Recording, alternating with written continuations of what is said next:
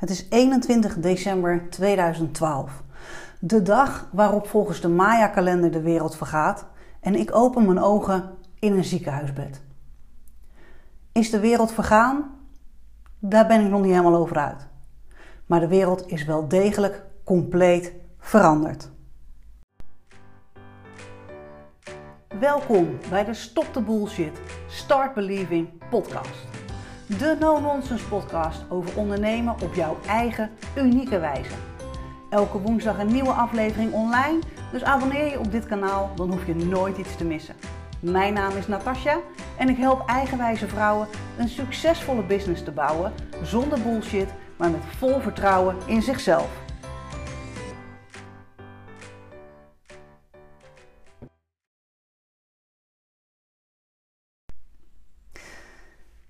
Ik lig in het ziekenhuis omdat ik de voorgaande avond ben opgenomen met plotselinge klachten van uh, uitval en krachtverlies in mijn linkerarm en mijn linkerbeen. De huisarts vertrouwde het niet en stuurde me direct door naar de eerste hulp. En ook bij de eerste hulp heb ik wat onderzoeken gekregen en werd ik doorgestuurd naar de neuroloog en mocht ik een nachtje blijven slapen om geobserveerd te worden. De neuroloog dacht in eerste instantie aan allerlei enge ziektes als eh, MS en soortgelijke aandoeningen. Nou moet ik ook heel eerlijk bekennen dat de klachten die ik op dat moment had, daar ook het meest op leken. Ik ging direct de medische molen in, waarbij ik allerlei onderzoeken heb gekregen: CT-scans, MRI-scans, lumbaalpuncties, noem maar op. Ze konden niks vinden. Alle scans waren in orde. Ze konden niks uitsluiten, maar ze konden ook niks bevestigen. Terwijl ik in de medische molen bleef, van de neuroloog naar de orthopeed, naar de um, oogarts zelfs, omdat er ook met mijn oog iets niet helemaal lekker zat. Uh, naar de, nou ja, ik weet eerlijk gezegd niet eens meer hoeveel verschillende artsen ik uh, in die tijd gezien heb. Um, maar al die tijd kon er geen diagnose worden gesteld. Ondertussen kon ik ook terecht in een revalidatiecentrum om in elk geval om te leren gaan met nou ja, wat er dan ook met mij aan de hand was. En om te zorgen dat ik uh, de beweging en de kracht in mijn arm en been weer een beetje terugkreeg. In het revalidatiecentrum uh, kreeg ik bewegingstherapie, ik kreeg fysiotherapie, logopedie, um, ergotherapie en maatschappelijk werk om te praten over ja, wat komt er nu allemaal bij kijken als je niet meer op je lichaam kan vertrouwen. Als je um, je lichaam aangeeft, de grens is bereikt. Twee keer per week ging ik naar het revalidatiecentrum. Twee keer per week uh, was ik daar een halve dag. En de vooruitgang was langzaam. Het schoot in mijn ogen niet echt op, hoewel de mensen in het revalidatiecentrum wel degelijk tevreden waren. Maar dat zegt iets over, over mij, over hoe ik in het leven sta, hoe ik omga met gebeurtenissen. Ik ben niet echt een geduldige persoon, moet ik heel eerlijk toegeven. Toen niet, nu nog steeds niet. Als kind niet, nooit geweest eigenlijk. En um, het frustreerde me enorm. In, in die tijd, 2012, 2013, 2014, toen was ik uh, 34 volgens mij. En dat vond ik vele malen te jong natuurlijk om er op dat moment zo aan toe te zijn in het revalidatiecentrum waren mensen die er slechter aan toe waren, maar een betere conditie hadden dan ik. En dat frustreerde me. Toen ik later ontslagen was uit het revalidatiecentrum en bij de lokale fysiotherapeut verder ging revalideren en verder uh, bewegingstherapie kreeg, moest ik daar sporten in de sportzaal. En waar ik na nog geen drie minuten zeg maar, van de fiets af donderde, waren daar bejaarden aan het sporten die met gemak een kwartier tot een half uur zonder problemen aan het fietsen waren. En dat frustreerde me enorm. Ik voelde me echt veel te jong voor dit. Op dat moment denk ik dat ik, als ik nu terugkijk, best wel medelijden had met mezelf in die tijd. Ik vond het oneerlijk wat er met mij gebeurde. Ik vond het um, ja, oprecht oneerlijk dat, dat mijn lichaam me zo in de steek liet. Toen ik, denk een half jaar, nee langer denk ik, een jaar ongeveer aan het revalideren was, kreeg ik een andere fysiotherapeut. En deze fysiotherapeut die zei: Weten ze al wat er met je aan de hand is? En ik zei: Nee, ze weten het nog steeds niet. En zij zei: Ik denk dat ik het wel weet. Deze fysiotherapeut was gespecialiseerd in Ehlers-Danlos. En dat blijkt dus inderdaad mijn aandoening te zijn. En Ehlers-Danlos is een erfelijk aangeboren ziekte. Die eh, zorgt dat je bindweefsel niet goed is aangelegd bij de geboorte. Bindweefsel kun je eigenlijk vergelijken met een elastiek. Hè? Bindweefsel zorgt ervoor dat je gewrichten en je, eh, nou ja, je, eigenlijk alles in je lichaam, je organen, je gewrichten bij elkaar gehouden wordt als een goed elastiek. Mijn bindweefsel is als het ware een uitgerekt elastiek. Er zit te weinig uh, kracht in om alles goed bij elkaar te houden. Wat ervoor zorgt onder andere dat mijn gewrichten wel eens van zijn plek afschieten. Dat is niet alleen pijnlijk, uh, maar het is ook heel erg vermoeiend omdat mijn spieren op dit moment proberen de functie van mijn bindweefsel als het ware over te nemen. Nou, mijn bindweefsel kan het niet bij elkaar houden, dus mijn spieren staan continu op spanning om die functie over te nemen. Nou, je kunt je voorstellen als je spieren continu op spanning staat, dat dat heel vermoeiend is en ook pijnlijk is. Dus dat is even in een notendop uitgelegd um, wat, wat precies de ziekte Ehlers-Danlos inhoudt. Op dat moment dat ik erachter kwam, dit is wat er met mij aan de hand is, hadden er twee dingen kunnen gebeuren. Het is een chronische aandoening die nooit meer overgaat. Ik ben hier blijkbaar mee geboren. Het kwam alleen nu pas naar de oppervlakte, maar het gaat nooit meer over. Dat had als effect kunnen hebben dat ik in zak en as was gaan zitten, bijvoorbeeld. Dat ik dacht: oh jee, help en wat nu? Bij mij had het het tegenovergestelde effect. Ik was eigenlijk, nou ja, ik zou het niet dolgelukkig willen noemen, maar uh, op zijn minst behoorlijk opgelucht. Want zie je nou wel, ik ben niet gek. Er is wel degelijk iets met mijn lijf aan de hand. Als je langs zoveel artsen gaat en zoveel artsen niks kunnen vinden, dan ga je op een gegeven moment ontzettend twijfelen aan jezelf. Het zit tussen mijn oren ik verzin dit zelf. Mijn hersenen nemen mij in de maling. Er is niks met mijn lijf aan de hand. Dus voor mij was het een enorme opluchting dat er wel degelijk iets met mijn lijf aan de hand was. Dat het nooit meer overging, nou ja, dat nam ik dan maar op de koop toe. Maar het feit dat ik dus niet gek was, ja, dat was mij op dat moment heel wat waard. En dat zorgde er ook voor dat ik ineens in het revalidatietraject veel sneller vooruit ging. Dus het uitzichtloze wat ik had voordat ik een, uh, een diagnose had, was eigenlijk uitzichtloos. Ik weet niet wat ik heb, dus ik heb ook geen idee wat we eraan moeten doen. Dat zorgde ervoor dat er eigenlijk geen vooruitgang zat in mijn, um, in mijn, uh, in mijn, in mijn traject, in mijn ver verbetering, zeg maar. In mijn, hoe zeg je dit? Laat het gewoon in mijn revalidatietraject noemen. En het moment dus dat ik dacht, maar nu weet ik wat het is nu kan ik het een plekje geven, merkte ik ineens dat het allemaal veel makkelijker werd. Ik kon ook ineens alles wat uh, de maatschappelijk werkster tegen mij vertelde over hoe ik moest omgaan met chronisch ziek zijn. Ineens kon ik het vatten wat ze zei. Al die tijd voelde het voor mij meer als een ver van mijn bedshow. Dat ik dacht, ja, je kan me nog meer vertellen, maar ik snap niet wat je bedoelt. Ik snap niet wat je van me wilt. Mijn lichaam moet gewoon meewerken. Ik vind het gewoon stom dat dat het niet doet ik wil gewoon door. En dat lukte natuurlijk niet. Nu kon ik eindelijk wel door. En dat merkte ik enorm in mijn revalidatietraject. En inmiddels zijn we bijna tien jaar verder. En ik ben nog steeds chronisch ziek. Ik ervaar, ervaar nog steeds dagelijks klachten van mijn aandoening. Maar ik kan ermee leven. Ik weet inmiddels precies wat ik wel en wat ik niet kan. En natuurlijk heb ik af en toe echt een kutdag tussen. Hè?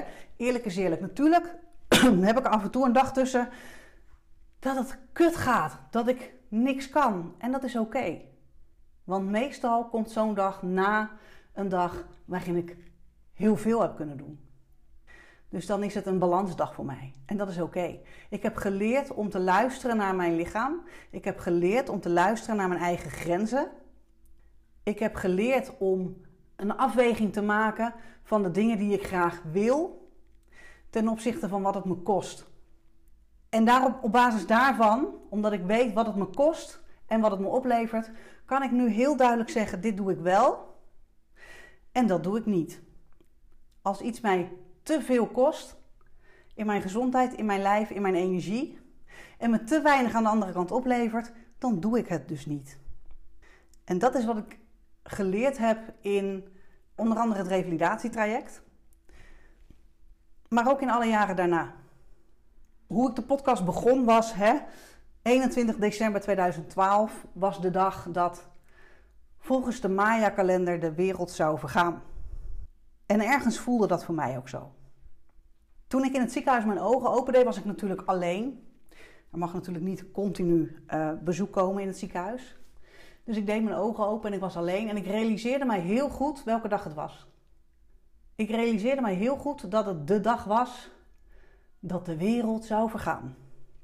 En of je daar nu in gelooft of niet, ik geloofde er niet in, maar ik vond het wel interessant. Het maakte me wel nieuwsgierig. En dat maakt toch dat als je dan in, in zo'n ziekenhuis je ogen opent en denkt: ja, nu is het die dag. Stel nou dat nu wel de wereld vergaat, dan ben ik hier alleen. En dat maakte voor mij wel verschil. Dat de wereld, of mijn wereld, zou vergaan, was tot daaraan toe. Maar dat wil je natuurlijk nooit alleen doen. Dan wil je de mensen wie je lief hebt om je heen. En ook dat heeft weer iets veranderd in hoe ik in het leven sta.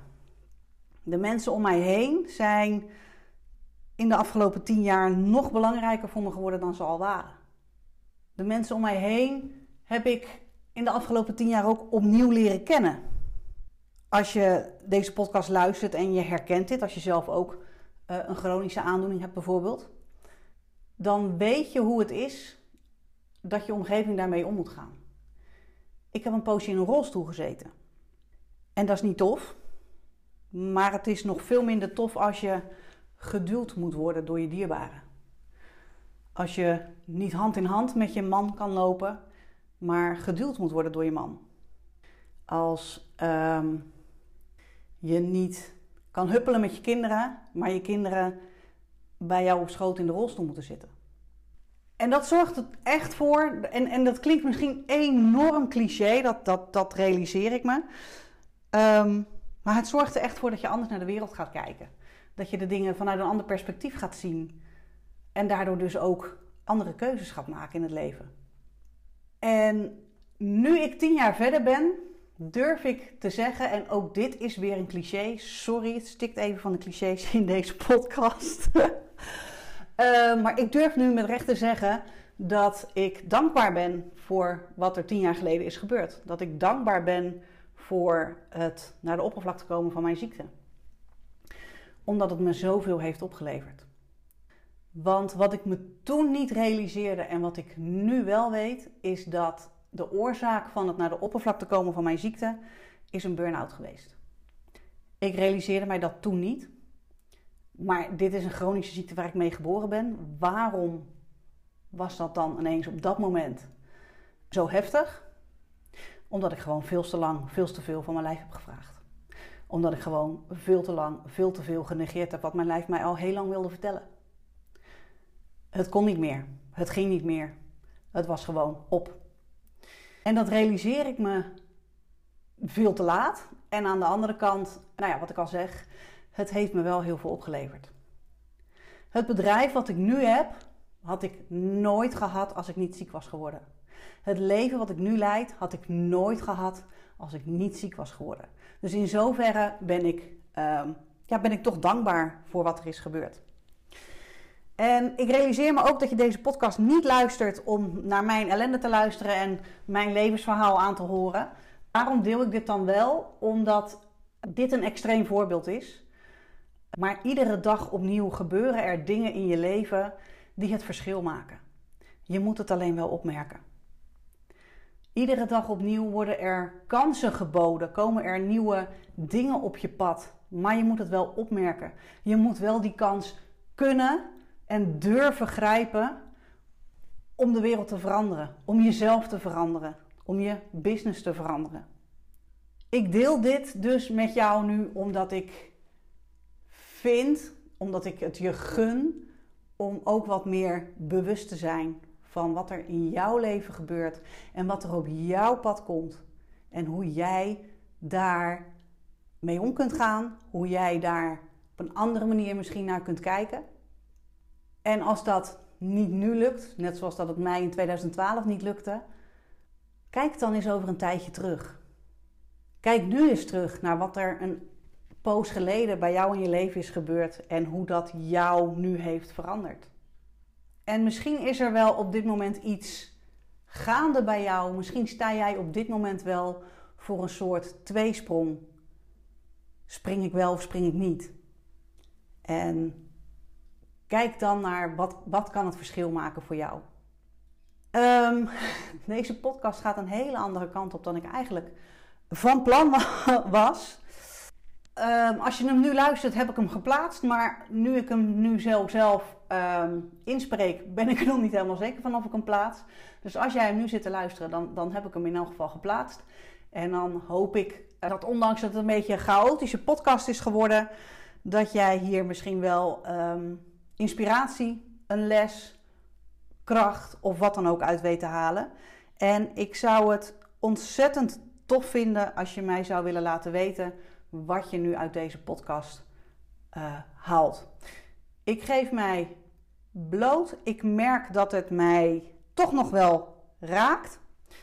Heel eerlijk gezegd verbaast dat me ook wel weer, want we zijn inmiddels bijna tien jaar verder. En ik heb in die tien jaar heel veel stappen gezet, heel veel dingen gedaan om um, alles een plekje te geven, om alles te verwerken, om te herstellen, hoe je het noemen wilt. En ik merk toch dat er nog, uh, nog steeds wel pijn op zit. En dat is oké, overigens. Dat is helemaal oké. want die pijn heeft mij wel degelijk een hele hoop opgeleverd. Dus die pijn mag er zijn. Um, maar anyway, ik zou het heel, heel, heel tof vinden als je me zou willen laten weten wat je van deze podcast vond. Heb je er iets uit weten te halen? Heb je vragen? Weet je, ik ben hier heel open over, dus laat het me gewoon weten en uh, ik, ik, antwoord altijd. Stuur me een mail, natasja.happyprofit.nl. Op Instagram kan je me vinden onder Natasja kun je me daar een DM sturen. Op Facebook kun je me ook vinden, gewoon onder Natasja Goosen. En zelfs op LinkedIn ben ik ook op die manier te vinden. Dus uh, je weet me vast te vinden. Laat me weten wat je van deze podcast vond, wat het grootste inzicht voor jou is hieruit, wat je hiermee eventueel kan. En dan beloof ik je volgende keer weer een minder chaotische podcast te, te, te, te brengen. Bedankt voor het luisteren. Abonneer je op dit kanaal, zodat je geen podcast hoeft te missen. Elke woensdag een nieuwe podcast voor jou over bullshit, ondernemerschap en geloven in jezelf. Tot snel!